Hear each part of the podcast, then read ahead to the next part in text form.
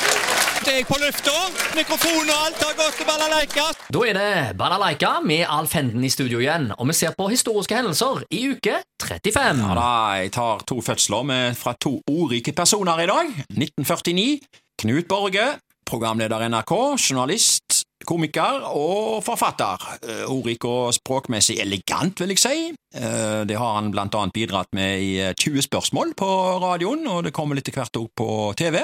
Der er jo konseptet sånn at Borge leste opp et ord som eh, innsett av seere, og så, kun basert på noen få opplysninger, så skal panelet gitte seg fram til hva slags ord. En veldig gammel eh, selskapslek som starta med Rolf Kirkvaag på radioen, og utrolig fascinerende så, eh, å følge med på den dag i dag. Det går litt i reprise på NRK2, ser jeg, fremdeles. Mm. Og Jeg sendte jo inn en del ord sjøl, jeg, der. Å ja. Ja, eh, Svinesti. Det var morsomt å høre på når de skulle prøve å finne fram til hva Ja, ja, ja. Ingenmannsland. Ja, dette. Ja. Huk. Ja. Ja, hvordan Det, det var beskrivelsene der. Det var, Ja. Nei, det var, det var, det var artig å følge med på. ja visst. Knut Borge han leda det programmet elegant, vil jeg si. Og apropos lede programmer elegant, 1966 det ble Fredrik Skavlan født, talkshow-verta. Han starta jo med et program på NRK2, faktisk, som het Absolutt. Gikk vel et par sesonger. Så ble han, eh, rykte han opp holdt jeg på å si, til NRK1, og der kom han jo inn på fredagskveldene da, med en gullrekke der, med først og sist, og så ble programmet enkelt og greit hetende hetende Skavlan. Mm. Ja. Eller Skravlan, som noen sa. Skravlan, vet du, så mange eh, begynte å kalle det for. Og så eh, ble det jo så på pop etter hvert at det ble eh, et samarbeid med svensk TV. Ja, eh, han gikk jo til TV 2 òg, og da dalte jo eh, seertallene, da. Ja, så det funka ikke. Nei, egentlig ikke. Det var ikke etter samme konsept heller, Nei, jeg, kanskje. jeg, jeg følte det var litt, litt på vei ut, på en måte, av det som Ja, ja. opprinnelige. Men hadde jo et varemerke der. Det var kasta den jukselappen mens han avslutta programmet. Ja, ja, ja, det Det gjorde han var jo alltid. varemerket. Ja.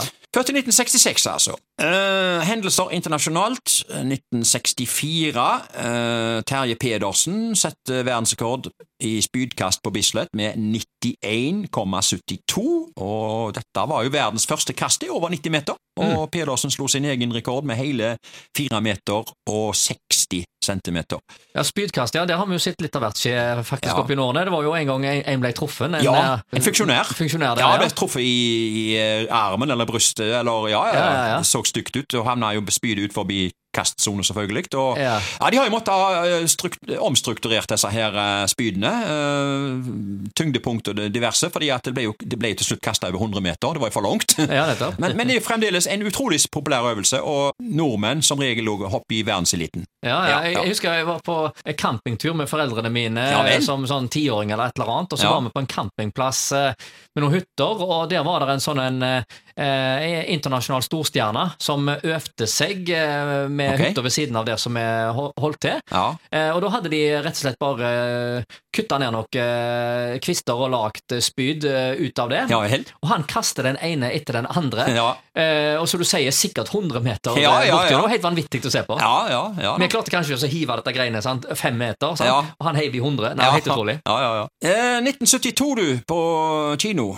Festiviteten Emil i Lønneberget, som vi snakket om her for eh, noen uker siden. Han var jo i Haugesund i 1977, han, på Vestlandsmessa. Og så gikk filmen eh, Kjødets lyst på festiviteten. Nattkino gikk Kyrkoherden.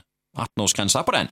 På Håndverkeren gikk krigsfilmen Det store slaget. Det var om østfronten 1943, da. Hitler hadde tapt slaget om Stalingrad og satsa nå alt på å vinne slaget om Kursk. Eh, Og filmen skildrer verdenshistoriens eh, største panterslag, da. Det var altså eh, i 1972. Og så holder vi oss til 1972 i dag. Eh, Jeg begynner med Haugesunds Dagblad-oppslag her. Overskrift HD presenterer den nye tippekupongen. Det blir en ny måte å tippe på fra spilleomgang 38, kampdag 16. september.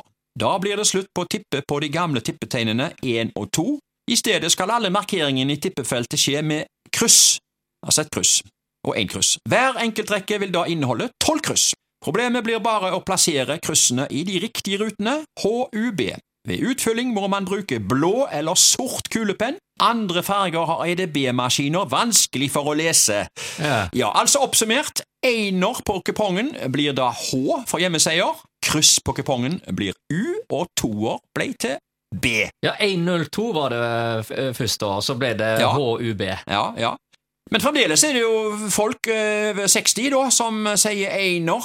istedenfor hjemmeseier. Ja. Ja, det er jo det. Det går stadig vekk i eh, det, altså. Husker disse gamle kupongene. Husker vi skulle levere de inn òg. Det var jo eh, Var det tre kopier? Var det det? Mm, to stemmer. kopier og så en eh, original, var det vel. Ja, ja. Én skulle til kommisjonæren, én skulle til tipperen, og én skulle eh, inn til eh, Norsk Tipping. Norsk Tipping. Ja. Og så var det innlevering onsdag klokka fem.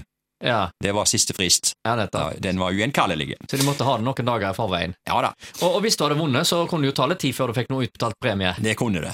1972 fremdeles. Deodorantoffensiv. Haugesunds Dagblad skrev overskrifta der. Folk lukter godt i Haugesund. Stor omsetning av deodorantspray. Ja, jeg Ja. siterer videre. Haugesund har intet unikum når det gjelder spray og deodorant. Forhandlerne kan fortelle om en rivende utvikling, og salget på sprayflasker i alle former har økt kolossalt de siste årene. En av byens ledende i bransjen sier til HD at salget har økt noe kolossalt de siste årene. Folk må ta deodorantspray. At enkelte kjøper ny flaske hver annen uke, må regnes med. Statslege Sven Svendsen sier til HD at man fra medisinsk hold ikke har noe spesielt å utsette på at folk bruker deodorant for å lukte godt. Ja, det var noe godt, det, da. Ja, ja. Ja, altså enormt eh, deodorantforbruk da i Haugesund. Ja, men eh, det var jo lå, ligge i bakan for at det var en bekymring for at folk brukte deodorant da, i stedet for å vaske seg. Å ja. Eh, ja, det Ok. ligger, ligger litt bak her, ja, det ligger litt bak her, eh, Ja, ja, ja. uttalelsen til Svendsen her.